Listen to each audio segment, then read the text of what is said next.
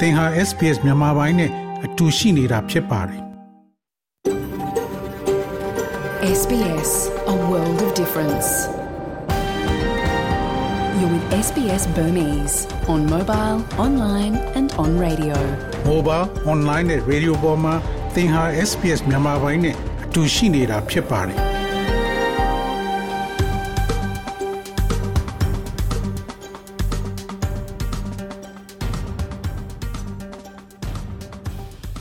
တော်ရရှင်များချစ်သိမင်္ဂလာဖျားဖျားနဲ့ပြည့်စုံတော်မူကြပါစားခင်ဗျာ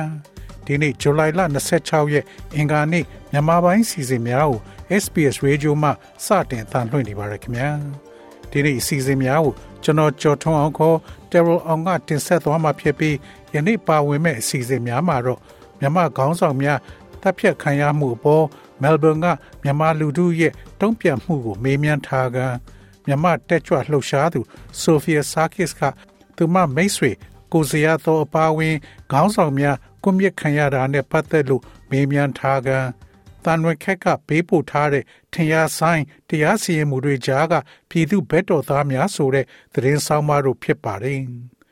ဒီနေ့ကောင်းကြီးပိုင်းသတင်းတွေကတော့မြမထင်ရှားတဲ့နိုင်ငံရေးလှုပ်ရှားသူတွေကိုကွန်မြင့်လိုက်တဲ့အပေါ်နိုင်ငံတကာတုံ့ပြန်မှုများ ဆဲလိတ်တောက်ချင်းအခမ်းအနားဖြင့်ပါလီမန်ကိုစတင်ဖွင့်လှစ်ဖိလစ်ပင်းတက္ကသိုလ်မှပြစ်ခတ်မှုကြောင့်လူ၃ဦးသေဆုံး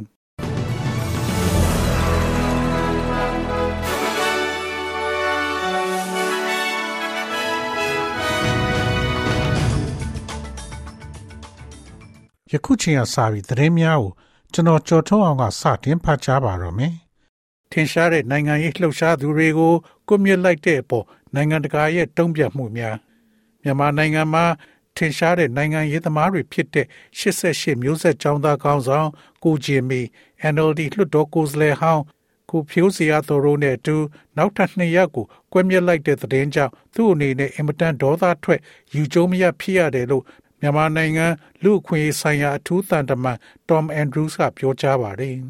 စစ်ကောင်စီရဲ့အခုလိုရက်ဆက်တဲ့လောက်ရကိုကမ္ဘာနိုင်ငံတွေကအချိုးအကွေ့တစ်ခုအဖြစ်မှတ်ယူပြီးမြန်မာနိုင်ငံပြဿနာကိုတုံ့ပြန်သင့်ပြီလို့အထူးသံတမန် Tom Andrews ရဲ့ကြေညာချက်မှာရေးသားထားပါတယ်။ကိုမြင့်ခံရသူလျော့စ်လုံးကိုစစ်ခုံရုံးမှစစ်ဆေးအမိန့်ချခဲ့ပြီးအယူခံဝင်ခွင့်မရခဲ့တာဟာနိုင်ငံတကာဥပဒေတွေကိုချိုးဖောက်ရာရောက်တယ်လို့သူကထောက်ပြပါတယ်။ နိုင်ငံတကာအတိုင်းဝိုင်းအနေနဲ့ခိုင်မာတဲ့ဆောင်ရွက်မှုတွေ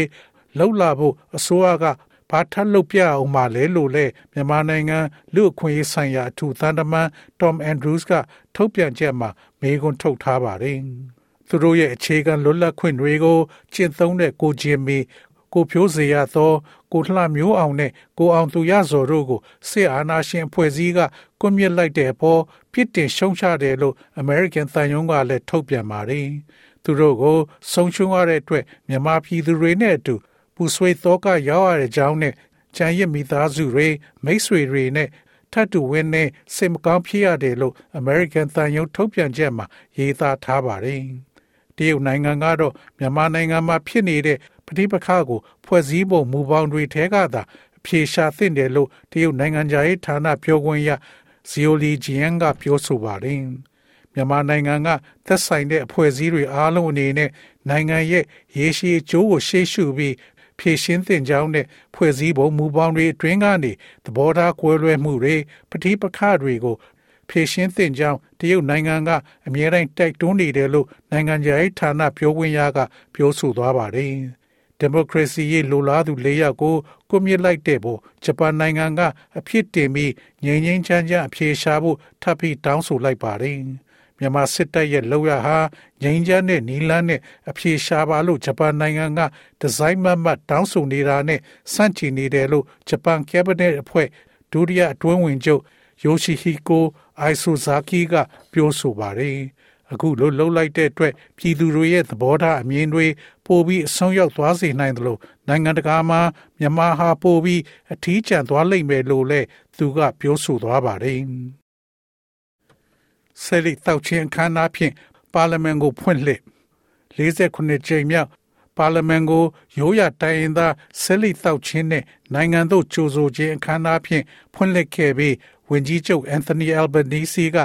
ယူလူရူထုတ်ပြန်ချက်ကိုနှလုံးသားမှအပြည့်အဝဆိုတာကိုလှုပ်ဆောင်မှုကတိပြုခဲ့ပါတယ်။ဒီခန္ဓာကိုဝန်ကြီးချုပ် Kevin Rudd လက်ထက်က2008ခုနှစ်တွင် ပထမဆုံးချိန်ကျင်းပခဲ့တာဖြစ်ပါတယ်။ Anthony Albanese နဲ့အတိုက်ခံခေါင်းဆောင်နှစ်ဦးစလုံးကစကားပြောဆိုခဲ့ပါတယ်။ Peter Dutton သည် Stolen Generation အတွက်ရခင်ကတောင်းပန်မှုအခမ်းအနားမှာထွက်ခွာသွားတဲ့အတွက်သူအမှားလုံးမိကြောင်းဝန်ခံခဲ့ဘူးပါတယ်။ဒီလွှတ်တော်မှာဒီထက်ပိုပြီးစီလုံးညီညွတ်မှုရှိလာဖို့မျှော်လင့်ကြောင်းနဲ့လွှတ်တော်အမတ်တွေကိုဒီသဝံလွှာကို ပေးခဲ့တယ်လို့ဝန်ကြီးချုပ်ကပြောဆိုပါတယ်။တင်ဒီမှာအချိန်အကြာကြီး မရှိတာကြောင့်အခွင့်အရေးကိုလက်လွတ်မခံကြပါနဲ့။ကျွန်ုပ်တို့ထဲကတယောက်မှဒီမှာအကြာကြီးရှိမှာမဟုတ်ပါဘူး။တင်လုပ်ခဲ့တာတွေကိုရန်ဒါမှာထိုင်ပြီးမာမာနဇစ်မြစ်ဒါမှမဟုတ်နောက်တရင်းမြစ်ကိုရနိုင်ပါတယ်။အလေလက်လမ်းကြောင်းဆိုတာမရှိပါဘူး။ဂုံယူစရာအရေးအမြစ်ဖြစ်အောင်လုပ်ကြပါဖိလစ်ပိတက္ကသိုလ်ဖြစ်ခတ်မှုလူသုံးဦးသေဆုံးဖိလစ်ပိနိုင်ငံတက္ကသိုလ်ကျောင်းတစ်ခုမှာတင်နှင်းကုရီနေကသနတ်သမားတူရဲ့ပြစ်ခတ်မှုကြောင့်မြို့တော်ဝင်ဟောင်းဘာဝင် လူသုံးဦးသေဆုံးခဲ့ကြောင်းဖိလစ်ပိရဲတပ်ဖွဲ့ကပြောဆိုပါတယ်။ပွဲနေသပင်ခန္ဓာမကျင်းပခင်မှာပဲပြစ်ခတ်မှုဖြစ်ပွားခဲ့တာဖြစ်ပါတယ်။သနတ်သမားကိုလက်ရှိဖမ်းဆီးထိန်းသိမ်းထားပါတယ်။ဖြစ်ခတ်ရတဲ့အကြောင်းရင်းကိုရဲတပ်ဖွဲ့ကဆက်ပြီးစုံစမ်းနေပါတယ်။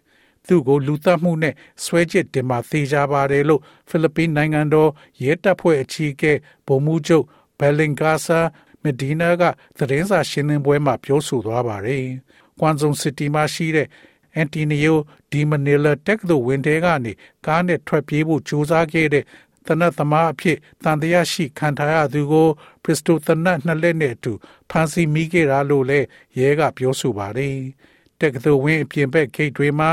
မျက်မြင်သက်သေတွေနဲ့အာဏာပိုင်တွေကသူ့ကိုဟန်တာခဲ့ကြပါတယ်။တက္ကသိုလ်ဝင်းကြီးတစ်ခုလုံးကိုလည်း lockdown ချပြီးအဝင်အထွက်ကန့်သတ်ခဲ့တယ်လို့ဥပဒေပွဲနှင်းသဘင်ခန္ဓာကိုလည်းဖျက်သိမ်းလိုက်တယ်လို့ရဲကပြောဆိုပါတယ်။ပွဲနေသဘင်အခမ်းအနားမှာမိန့်ခွန်းပြောဖို့လာနေတဲ့ဖိလစ်ပင်တရားရုံးချုပ်တရားသူကြီးအလက်ဇန်ဒါကက်စမန်ဒိုကလည်းဒီဖြစ်ရကြောင်းနောက်ကျောင်းပြလှည့်သွားခဲ့ရတယ်လို့တာဝန်ရှိသူတွေကပြောပါတယ် ဒီတိုက်ခိုက်မှုကိုအလင်းအမြန်ဆုံးစုံစမ်းစစ်ဆေးပြီးတပ်ဖြတ်မှုအတွက်အဖြစ်ရှိသူတွေကိုတရားရင်ဆိုင်စေရမယ်လို့ဖိလစ်ပင်းသမ္မတသစ်ဖက်ဒရနမာကိုစ်ဂျူနီယာကကတိပြုပါတယ်။ခင်ဖြစ်ရာကူဇွန်စီတီမှာအထက်နဲ့အောက်လွှတ်တော်ပူတွဲကျင်းပမယ့်ညီလာခံကိုသမရမာကုစ်တက်ရောက်ဖို့ရှိနေတဲ့အတွက်ပြစ်ခတ်မှုမဖြစ်ခင်ကတည်းကတနက်ကိုင်ဆောင်ခွင့်ကိုအာဏာပိုင်တွေကတားမြစ်ထားသူမျိုးရဲ့လုံခြုံရေးကိုပါတင်ကျပ်ထားပါတယ်။ တေရန်စီမှုကိုအမေရိကန်နဲ့ကူလာကရှုံချ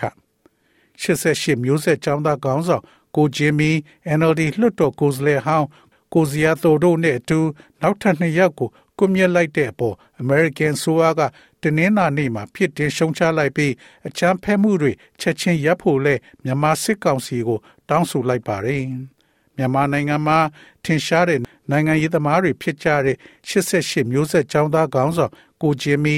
NLD လွှတ်တော်ကိုယ်စားလှယ်ဟောင်းကိုဖြိုးစရာတော်တို့နဲ့အတူနောက်ထပ်နှစ်ယောက်ကိုကွမြစ်လိုက်တဲ့အပေါ် American ဆိုအားကတနင်္လာနေ့မှာပြစ်တင်ရှုံချလိုက်ပြီးအချမ်းဖက်မှုတွေချက်ချင်းရပ်ဖို့လဲမြန်မာစစ်ကောင်စီကိုတောင်းဆိုလိုက်ပါတယ်။ ရွေးကောက်ခံနိုင်ငံရေးသမားတွေနဲ့ဒီမိုကရေစီရေးတက်ကြွလှုပ်ရှားသူတွေကိုမြန်မာစစ်ကောင်စီကကြမ်းကြုတ်ရက်ဆက်စွာကွမြစ်လိုက်တဲ့လုံရက်ကို American ပြည်ထောင်စုကအပြင်းထန်ဆုံးကန့်ကွက်ရှုတ်ချကြောင်းနိုင်ငံတော်လုံခြုံရေးကောင်စီရဲ့ကြေညာချက်မှာဖော်ပြထားပါတယ်။တရလက်လွတ်ဖမ်းဆီးထားတဲ့သူတွေကို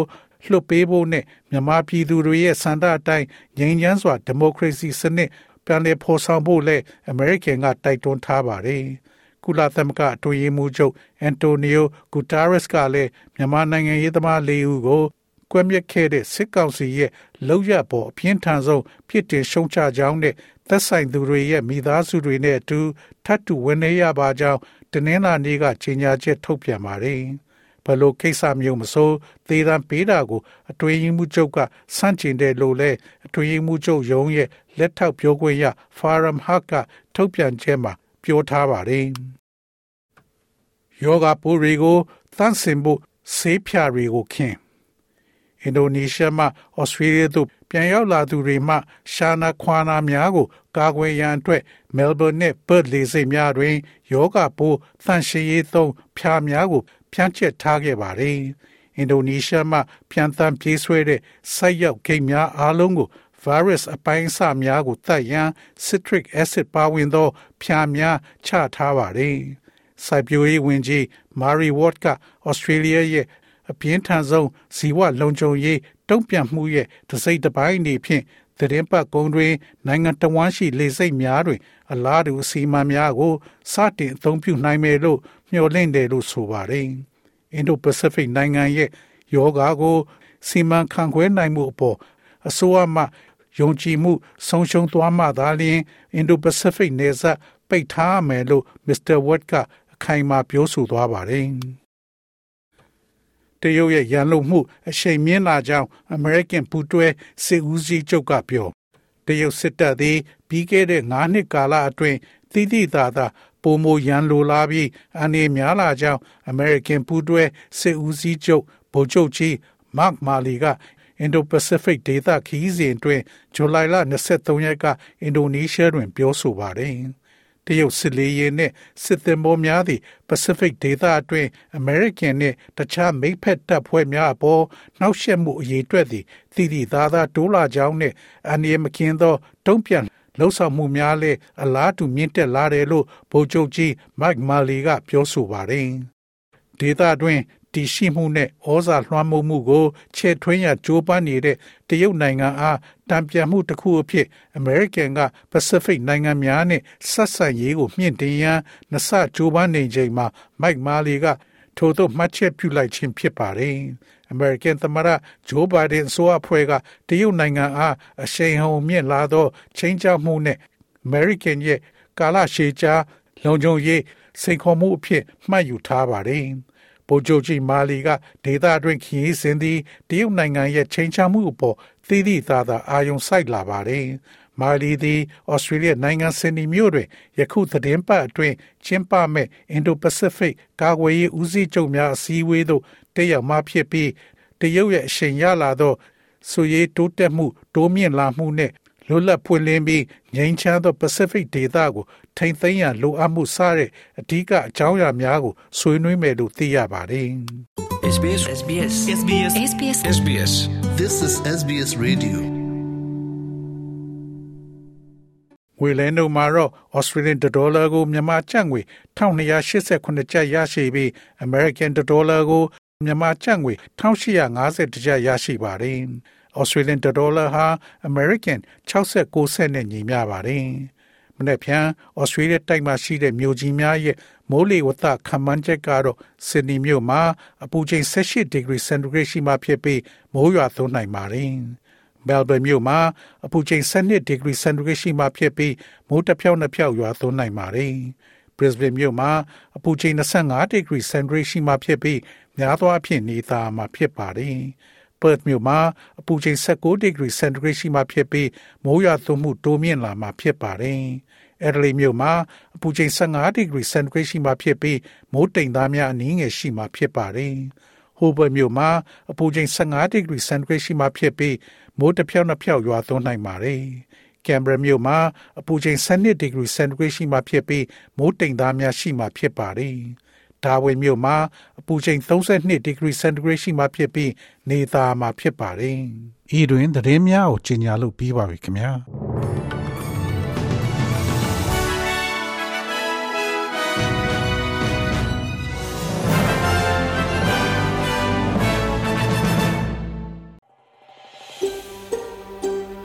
ဒါမျိုးသတင်းဆောင်မာတွေကိုပိုနားဆင်လိုပါလား Apple Podcast Google Podcast Spotify တို့မှာသင်ပင်ရာဖြစ်ဖြစ်ရယူတဲ့ podcast ကနေပါ